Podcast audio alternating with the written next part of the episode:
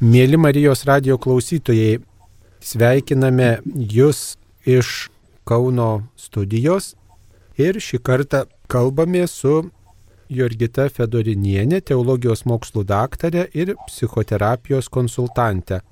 Labai yra įdomus derinys - psichoterapija ir teologija. Sveika gyva, mėla Jurgita. Labą dieną, gerbiamas kunigė ir Marijos radio klausytojai.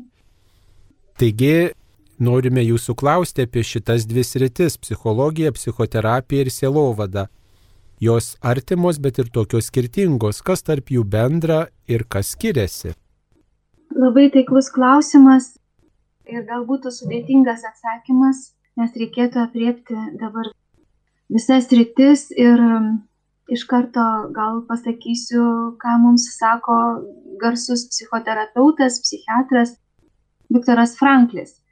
Jis teigia, kad psichoterapijai rūpi sielos išgydymas, o religijai sielos išganimas.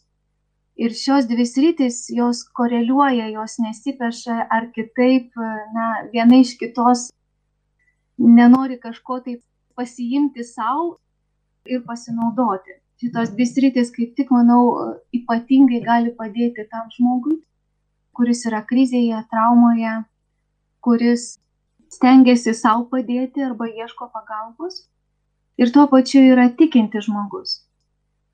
Tai sielovada apibrėžčiau kaip pagalba pasiruošti išganimui Dievo valios perspektyvoje. Ir kas būtų svarbiausia, ieškant sielovadoje pagalbos, tai būtent sveikas santykis su savimi, kitu ir Dievu kadangi teko rašyti ir disertaciją iš klinikinės sielovados pasitelkiant savo mokytojo kunigo Česlovo Kavaliausko netiesinę teologiją, apibrėžiau, kad klinikinė sielovada būtų kaip pastoracinės teologijos šaka, kuri tyria trauminius, krizinius asmens veiksnius, įveikas ir stengiasi padėti pašalinti psichologinius bei tikėjimo samplaikos nepageidaujamus padarinius. Ir, ir čia svarbu jeigu mes pasitelkiam klinikinę sielovadą, atrasti dialogą su Jėzumi Kristumi. Padėti savo pacientui atrasti tą dialogą su Jėzumi Kristumi. Arba sutvirtinti, arba patvirtinti, arba palydėti į santykių su Jėzumi Kristumi. Kaip ir labai paprasta, ar nepasiruošiant amžinybė, nes mes iš krikščioniškosios antropologijos perspektyvos visada ruošiamės amžinybei, nes esam tam ir pašaukti pasiruošti. Ir taip pat klinikinė sielovada apimtų ir svarbiausius mūsų gyvenime etapus, tai kaip mums priimti lygą, traumą, netekti, senatvę, gyvenimo sunkumus, ypatingai šiuo metu ar ne pandemijos metu, karantino metu.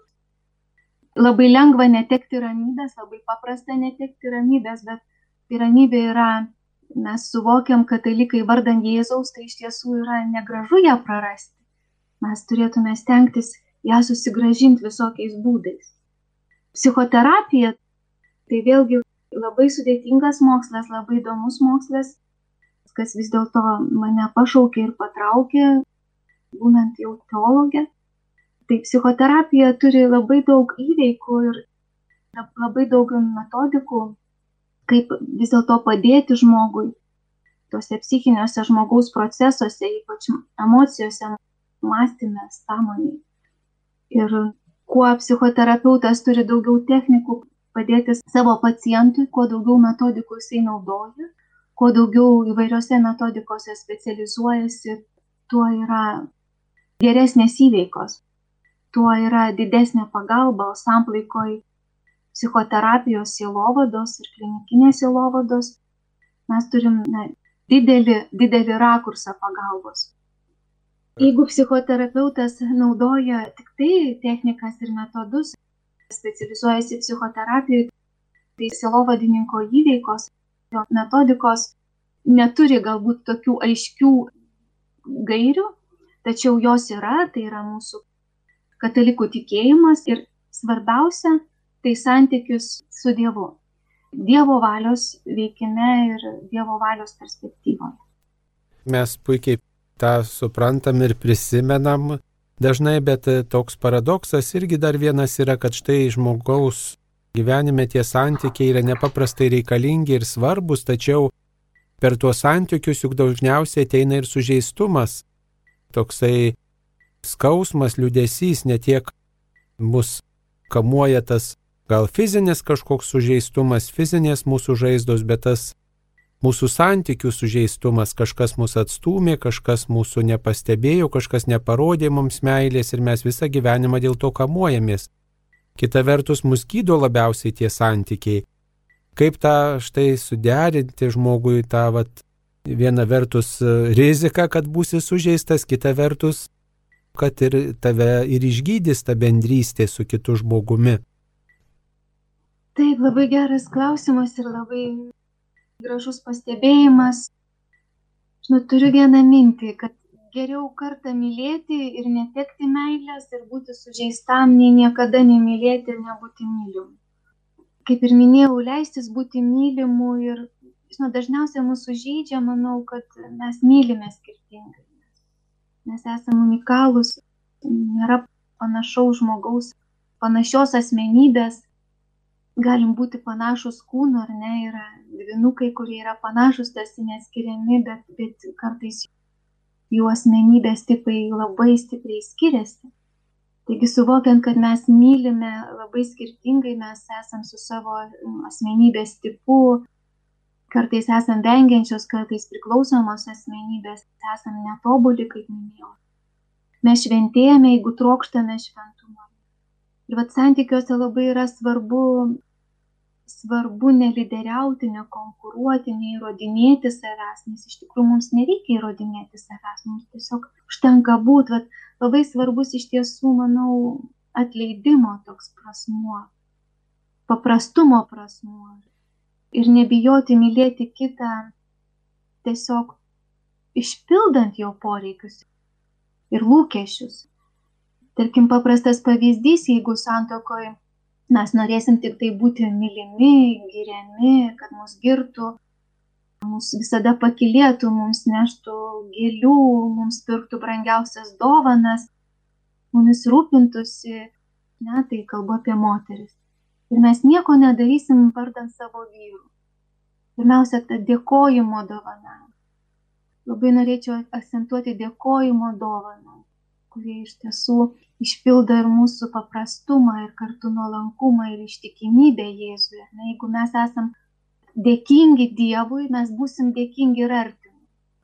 Padėkoti savo vyrui už gyvenimą, už pasirinkimą, už rūpestį, už galbūt atnešamą maistą, už kiekvieną smulkmeną mūsų santykiuose mes žaidžiam vienas kitą, nes pirmiausia, mes nepaisom, bet kažkodėl esame išmokę nepaisyti kito žmogaus orumo, nepaisyti kito žmogaus ribų.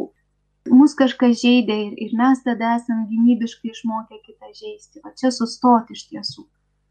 Bet jeigu mums neišina patiems, tai paklausti parapijos kunigo, pasitarti su sielovadininku, galbūt iš tiesų, jeigu reikia nueiti pas psichoterapeutą, kodėl mes žaidžiam kitą tai gali būti labai svarbus vėlgi tos traumos mūsų vaidmuo mūsų gyvenime, nes taip neturėtų būti, nes mes esam pašaukti meiliai, buvime kartu, įsiklausyti, mes iš tiesų praradom tą ir klausimosi dovaną. Paklaust ir klausytis, įsiklausyti kitą. Ir patarnaut, taip, taip tarnystė. Jeigu norim gražių, nesužeistų santykių, mes neturim būti aukomis, bet mes galim patarnauti, pildyti kito lūkesčius, ar ne? Ir sakyti savo poreikį, savo emociją, psichoterapijos tada pakonsultuočiau, ar ne, vat, tokį sužeistą žmogų, santykiuose sužeistą žmogų. Ir sakyti kitam, kartais mes nenorim ar bijom išsakyti savo emociją, išsakyti kitam emociją, faktą gal, kuris įžeidė mus kas atsitiko savo emociją, tai mokytis komunikavimo, gražaus komunikavimo, meilės komunikavimo ir sakant savo emociją, išsakyti savo poreikius ir lūkesčius. Ir dažnai mums tas sužeistumas kyla tada, kada mes nemokam išsakyti savo emocijų. atsitinka ir taip, kad tas žmogus sako, man labai blogai, aš nežinau, ką man daryti, man taip bloga ir negera, bet, bet aš nemoku nebijoti, aš nemoku paleisti kito žmogaus. Aš noriu jį ryšti pagal save daryti, va, tegul jisai man patarnauja ir turi būti taip, kaip aš noriu. Tai ne, tai nėra gerai, tai nėra sveika, tai nėra sveiki santykiai.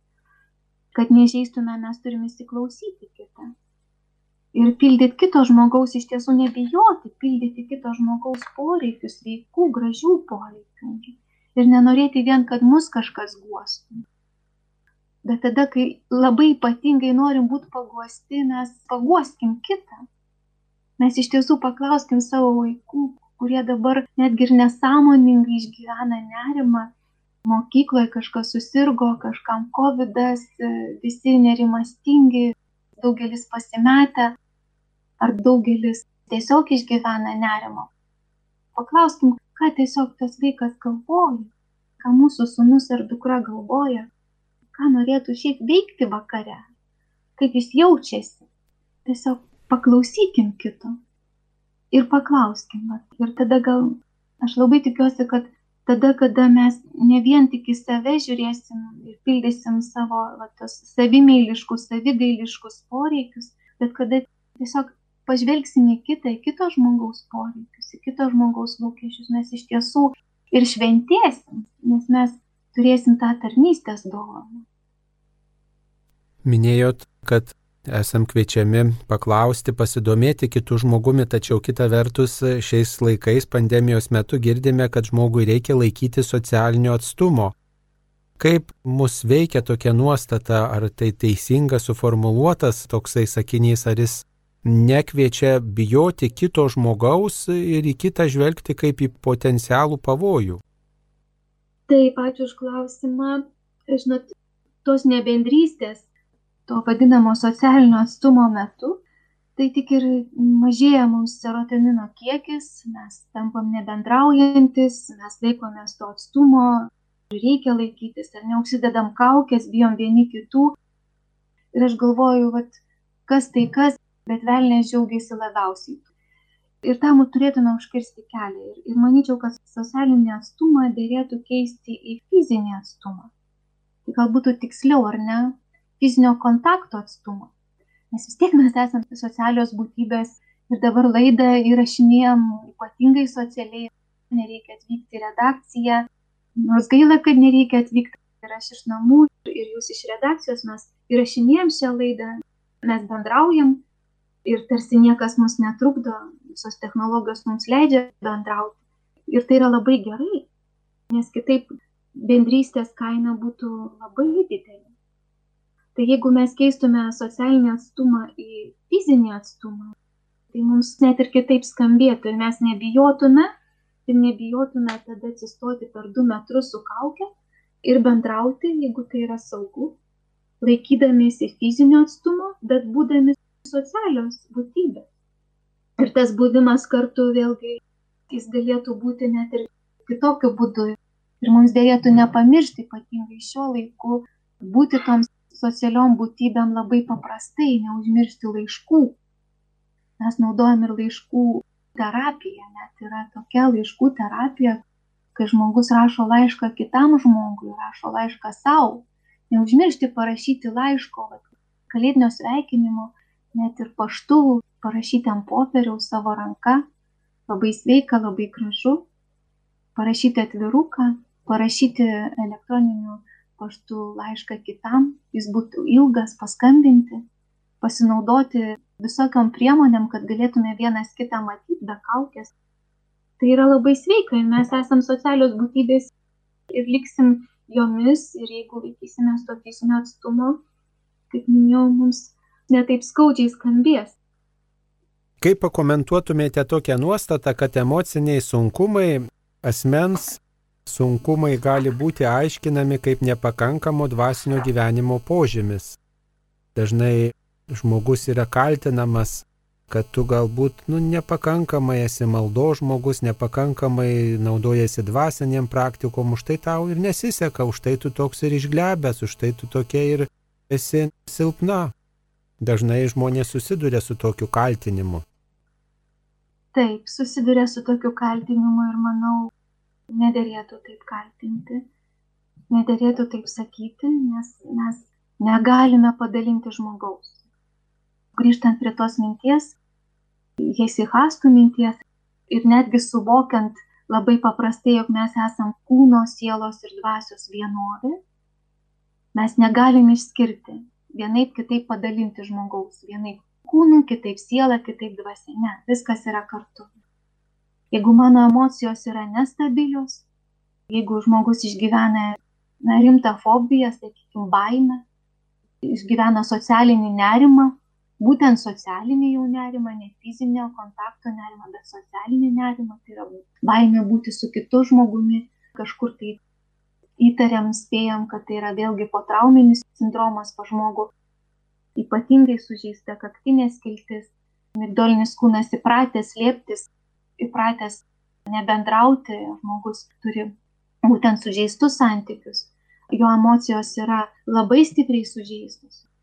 Tai tada jeigu mes kalbam apie tą iš tikrųjų sužeistą, na, nesveiką santykių su savimi, na, sakykime, kalties be kalties jautimo, iki rūmų baimės, generalizuoto nerimo, ruminavimo, ne visų traumų pasiekmių, tai kaip tada mūsų gali būti tas dvasinis gyvenimas toks gražus ir nuostabus, kai mums yra baisu, mums yra liūdna, mums yra skaudu, mes išgyvenam iš tikrųjų pačias neigiamiausias emocijas ir žmonės išgyvena labai sunkias formas depresijų. Minėjau, jie iš tiesų negali pasirūpinti savimi. Ir galbūt čia labai svarbu, kaip ir anksčiau minėjau, prisėsti prie to žmogaus ir negalbūt, o iš tiesų labai svarbu. Prisėsti prie tokio žmogaus ir melstis kartu ir paklausti, ar jisai norėtų, kad su juo būtų melstis. Ir iš tiesų, vat, taurinti jo kelti jo dvasę į gyvenimą. Kadangi esam paliesti, kaip minėjau, nuodėmės ir turim tas nuodėmės pasiekmes, mes vienas kitam galim dovanoti iš tiesų ramybę ir neužmirštant sakramentų, kai sakramentai yra gydomieji, niekada neužmiršti atgailos sakramentų, Euharistijos, Euharistijos ir švenčiausio sakramento. Tai yra gydomieji mums palikti sakramentai, Jėzaus ženklai, kurie gydo mūsų emocijas ir mūsų dvasinį sužeistumą. Ir būtent tada, jeigu būnant bendrystėje, mes galim iš tiesų padėti tam žmogui būti kartu, būti kartu, nepeikti jo, nemenkinti jo. Tu mažai meldiesi, tai va, tu toks sutrikęs. Ne, kviesti į tą sveiką santykį. Kaip minėjau, klausti, kas tau atsitiko, kad galbūt tu dabar negali melstis, kas atsitiko, kad tu tiek laiko negali nueiti atgailos sakramento, gal tau kažkas labai skauda, gal tu kažko negali atleisti, gal tu savo negali atleisti, gal tai yra kaltė be kaltės, gal tai yra gėda, apie ką yra labai sunku prabilti ir terapijos metu apie gėdą. Ir kviesti, iš tiesų kviesti žmogų į sveiką santykį pirmiausiai sveiką santykį su savim, kaip minėjau, su Dievu ir, ir su kitu. Nereikalauti žmogaus, manyčiau, nereikalauti žmogaus tada, kada jis negali. Jūs minėjot štai apie psichiatro, psichologo tokią gydimo tarnystę. Tai jeigu šie specialistai, būdami tikintis, atlieka tokią pagalbą žmogui, teikia gydo, tai ką tuomet veikia viešpats? Ar mes tiesiog esam tik įrankiai tam kelyje, o gal kartais užstojam Dievo veikimui, Dievo veikimui tiesiog darom kliūtis. Jo, jeigu būtų galima kitaip perfrazuoti šitą klausimą, tai tada galima būtų pasakyti, jeigu Dievas gydo, tai ką čia veikia psichiatrai, psichoterapeutai, psichologai, silovadininkai, klinikiniai silovadininkai, jeigu tik tai Dievas gydo. Tai aš truputį pajokavau kunigė. Tai tiesiog noriu pasakyti, kad mes esam sukurti vienas dėl kito. Ir turim tikrai nuostabių Dievo dovanų, kurių net nežinom. Užblokuota pas mus smegenyse, vat, kad mes galim labai mylėti, nuoširdžiai mylėti. Kartais vyresnis žmogus klausia, o kas ta meilė yra? Kaip man dabar va, jausti tą meilę kitam, aš nejaučiu nieko. melas, tai yra melas, tai yra vat, nesąmoningas melas, ar ne? Iš tiesų žmogus myli, bet ta jo meilė yra sužeista. O Dievas mums duoda dovanų vienam, vienokių, kitam kitokių, tai tarnystės dovanų. Būti psichiatrų, psichoterapeutų, silovadininkų nėra lengva, nėra paprasta. Aš manau, tu esi tas Simonas Kirenietis, kuris panešė į kito kryžių. Ir turi panešėti tam tikrą atstumą, kaip ir Simonas Jėzui panešėjo kryžių tam tikrų atstumų, nei per daug, nei per mažai. Tada, kada reikėjo. Ir klausimas tada, Jėzui reikėjo Simono ar Simonui reikėjo Jėzaus?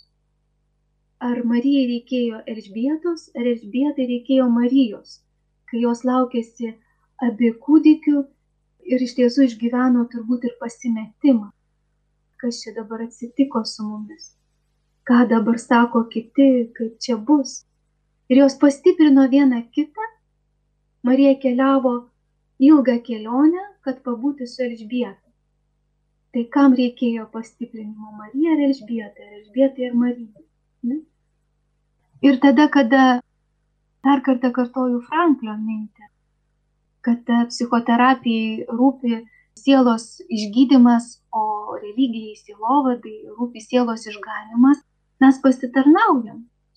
Nedaug Dieve, kad mes sukliudytume Dievui veikti. Iš tiesų, didžiausia žinia, kad mes tik padedam, nurodom, bet gydo tai Dievas.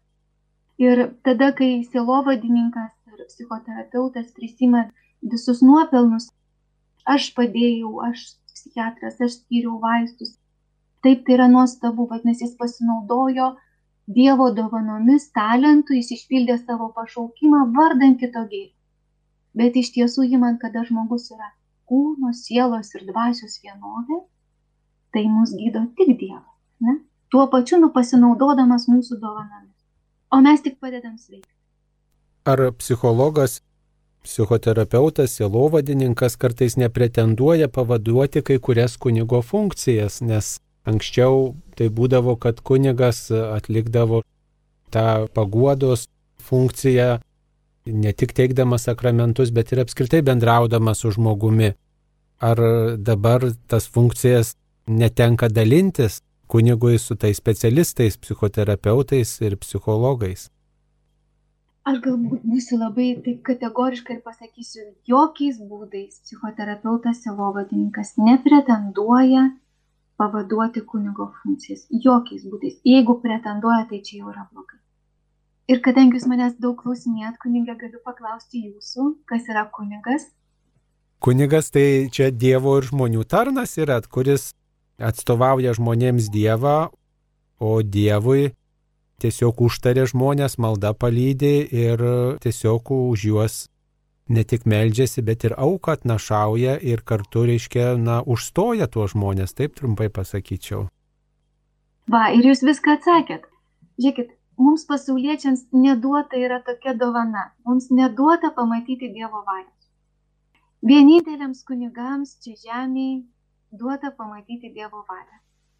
Mes galim na, nuspėti, pramatyti, na, pajausti, patirti galbūt ar ne, bet mes visada, nebent aš, visada turime pasitikrinti, ar tikrai tai yra Dievo valia.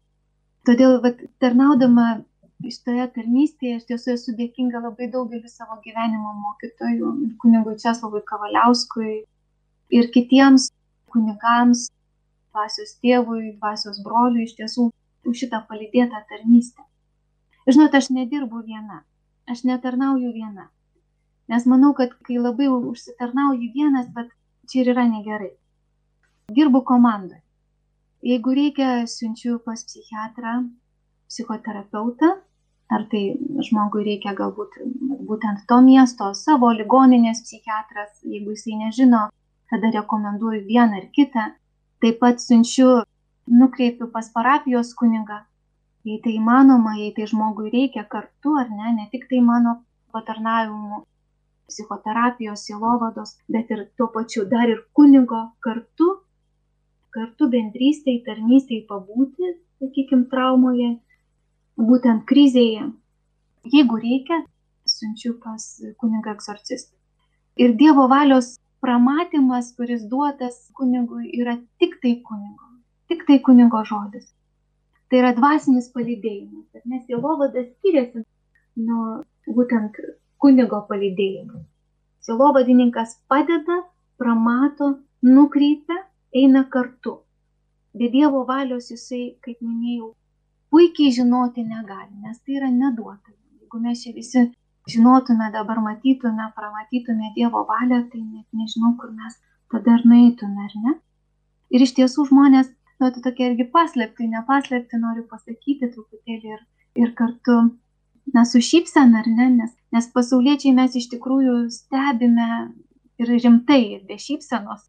Mes labai stebime savo parapijos kunigus, savo kunigus, būtent patarnaujančius kunigus, iš tiesų jų tikėjimą, meilę ir viltį.